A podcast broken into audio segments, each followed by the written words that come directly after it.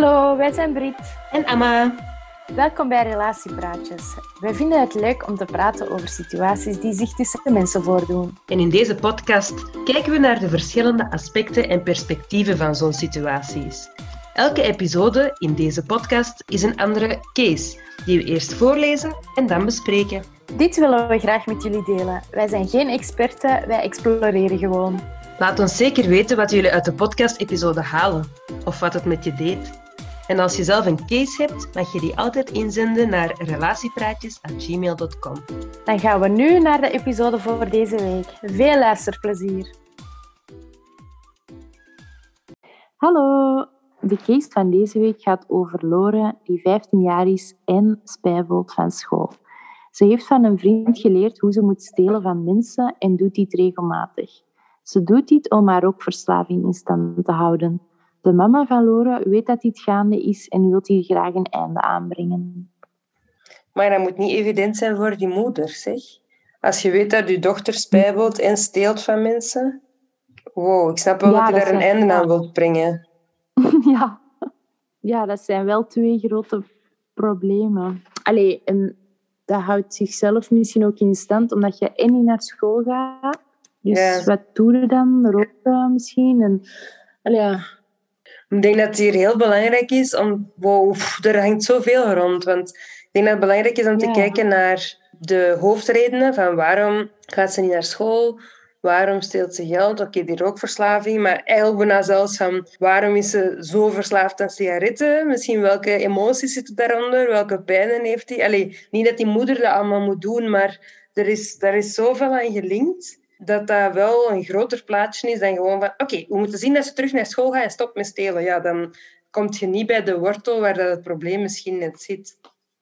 De vraag is ook, wil Lore daar een einde aan brengen? Want die moeder wil er wel een einde aan brengen, maar ja, misschien heeft Lore de tijd van haar leven. Ja.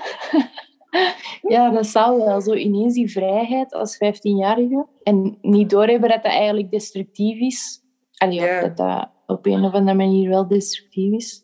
Die mama staat inderdaad wel voor een groot iets. En Loren ook.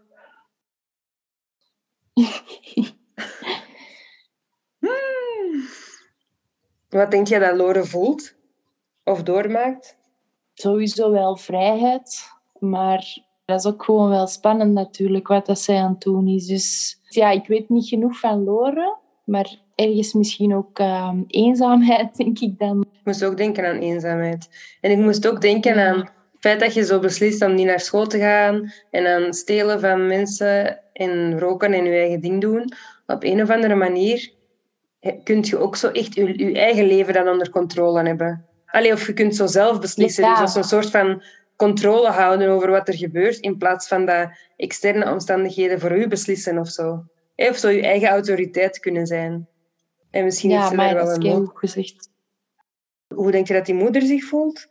Ook wel eenzaam, op een manier. Want je dochter is... is ja, je hebt ook... Die controle is er inderdaad eventjes niet. Je zet die controle kwijt over je dochter. En ik denk ook wel, hoe langer dat, dat duurt, hoe moeilijker dat, dat is om terug die connectie te krijgen of zo. Mhm. Maar ik denk ook, allee, die moeder wil daar dan een stop aan zetten, maar ik denk dat dat ergens ook heel moeilijk is.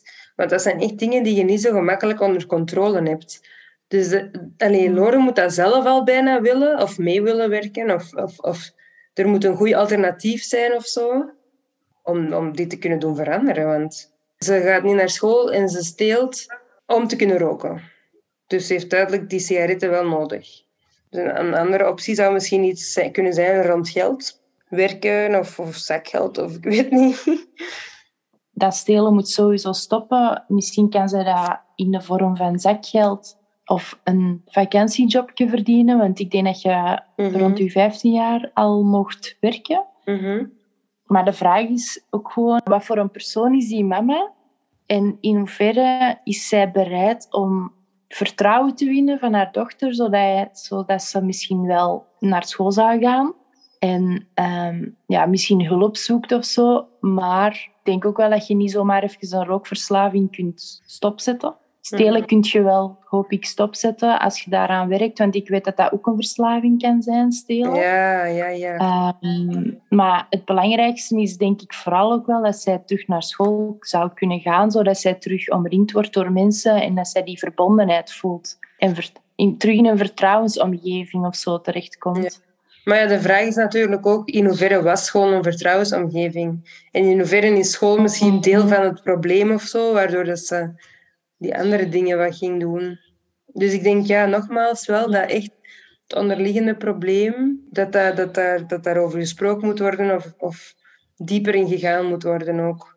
Want ik geloof, ik geloof dat als je gewoon de, de dingetjes aan de oppervlakte oplost, tussen haakjes, eh, je gaat terug naar school, Ehm, zelfs van, oké, je krijgt zakgeld om sigaretten te kopen en je steelt niet meer. Ja, welk gevoel blijft er dan nog over eigenlijk van waarom dat ze dat eigenlijk allemaal begon te doen? Ja, klopt helemaal. Dus ja, ik voel ook echt wel die, die eenzaamheid of zo. zo. Een soort van iets, een deeg te willen opvullen of zo. Ja, echt een onderliggend probleem dat echt gaat onderzocht moeten worden zonder dat er meteen gepusht wordt. Maar echt, ja, Mhm. En inderdaad ook haar in haar waarde laten zijn of zo. Op een Ja. manier. Maar ik denk dat die moeder zich soms wel echt heel machteloos moet voelen. Want je wilt Ja. gewoon het beste voor je kind. Je wilt, allez, je wilt eigenlijk dat je kind zich oké voelt en het leven aan het leven is of zo. En ja, ik denk wel dat dat moeilijk kan zijn. En dat hij daarom ook zo graag die dingen wilt veranderen of stopzetten. Maar dus dat kan wel een Mhm. soort van machteloosheid geven dat ze daar niet per se... Ja, dat zij niet per se alles kan doen. Dat is echt zo'n verschil met als de kinderen klein zijn of groot eigenlijk. Hè? Als die klein zijn, kun je zo zelf nog meer beslissen en doen en welke kleren ze aandoen en naar waar ze gaan en zo. en als ze groter ja, ja. zijn, ja, dan, dan hebben die een eigen willetje en dan gaan en staan die waar dat die willen. Ja, en dan hebben die... Ja, inderdaad. Zeker als je zo 15 jaar bent en tiener en hormonen en... Oh ja, ook. Ja. Ja, Ja, ik denk inderdaad dat daar ook wel rekening mee gehouden moet worden. Wat je nu zegt, het feit dat hij in de puberteit zit. Dus je Ja. hersenen werken op een bepaalde manier. Je hebt eigenlijk veel nood aan zo je peers en zo. Dus ja, het minste wat je moeder iets zegt, heb je zelfs nog extra weerstand ertegen. Dus misschien ja, helpt dat eigenlijk al helemaal niet als die moeder iets zou doen.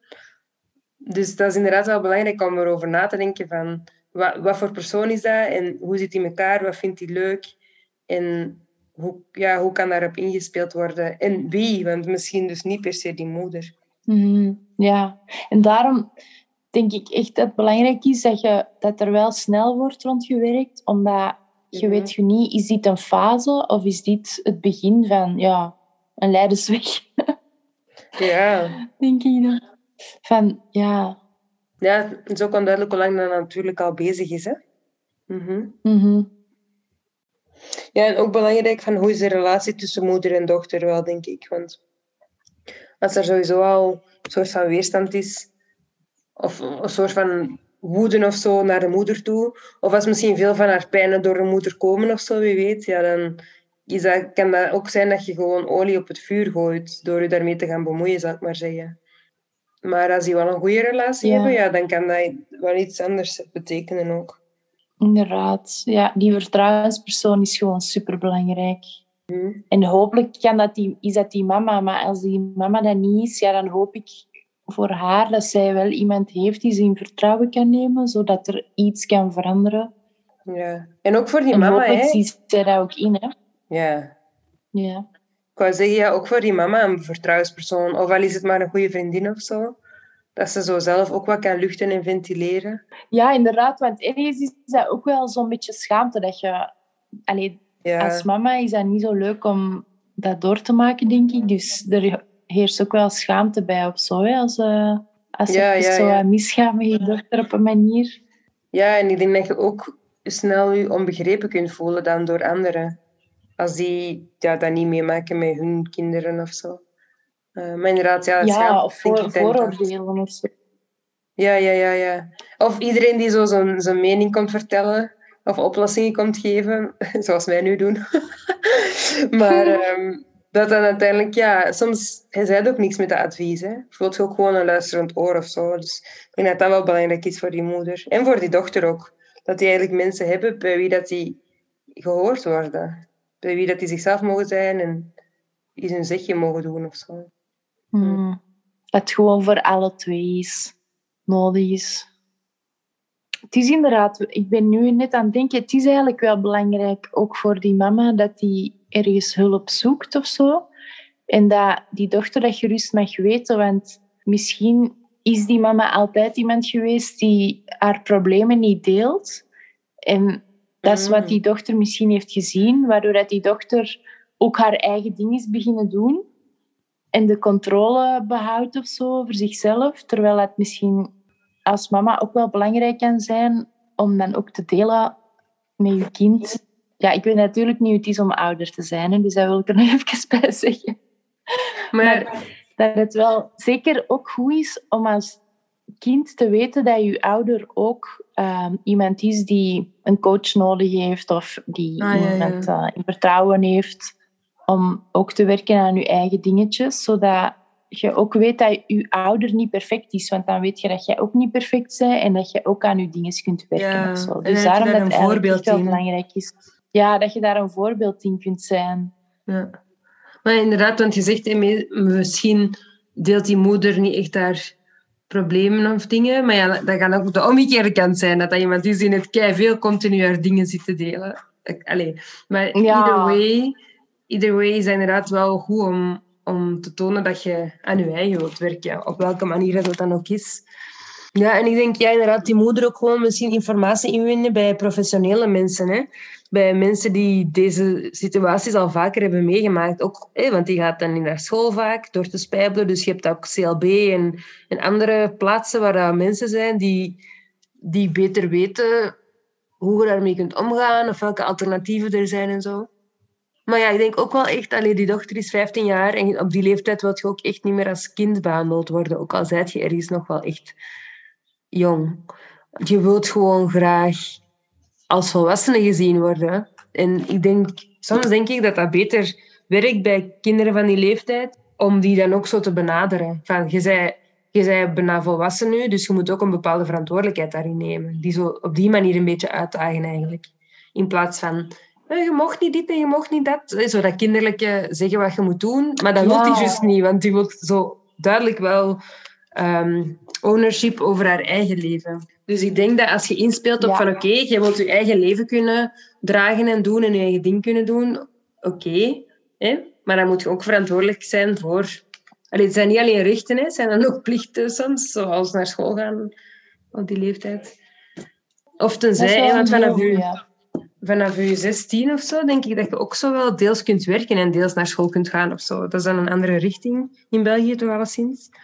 Dus misschien ja, zijn er ook andere opties als ze echt iets vindt wat ze eigenlijk heel graag doet. Misschien zit ze ook in een richting dat ze totaal niet interessant vindt. Maar misschien dat als zij zo beter ook begint te ontdekken waar ze goed in is of wat ze leuk vindt, dat ze meer interesse terugkrijgt ook voor school. Of waar ze kan werken of meer haar ding kan doen of zo. Ja, dat is wel waar. En ook gewoon zo, allee, het lijkt mij wel een ondernemende persoon op een manier. Want het feit dat ze zo beslist om uh, veel te spijbelen en dan ja, te stelen, je moet daar toch wel een bepaalde soort van zelfvertrouwen voor hebben of ondernemend te zijn. Dus op dat vlak zouden dat nog kunnen, positief kunnen ombuigen naar, oké, wat zijn haar kwaliteiten?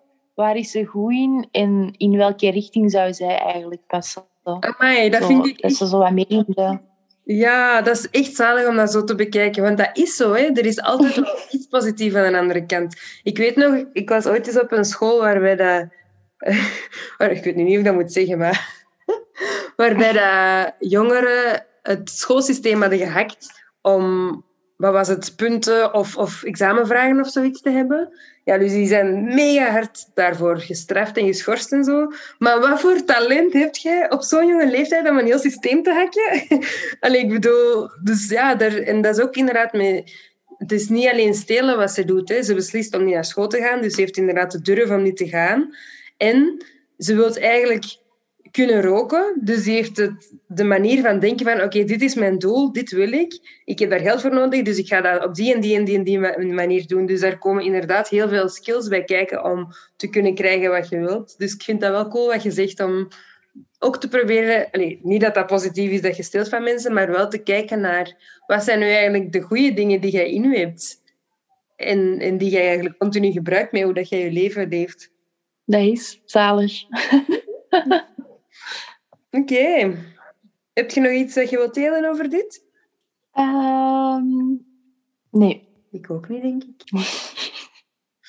nou, dan was dat voor deze week. Doei! Oké, doei! Bedankt om te luisteren naar deze episode. Wij zijn heel benieuwd wat je ervan vond, waar je aan dacht of wat het met je deed.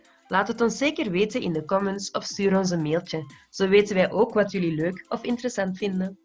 Wij verwelkomen ook graag jullie cases in onze mailbox. Dat mag naar relatiepraatjes.gmail.com. Vergeet je niet in te schrijven op deze podcast als je naar de volgende episodes wil luisteren. En dan wensen we je nog een fijne dag verder. Dag!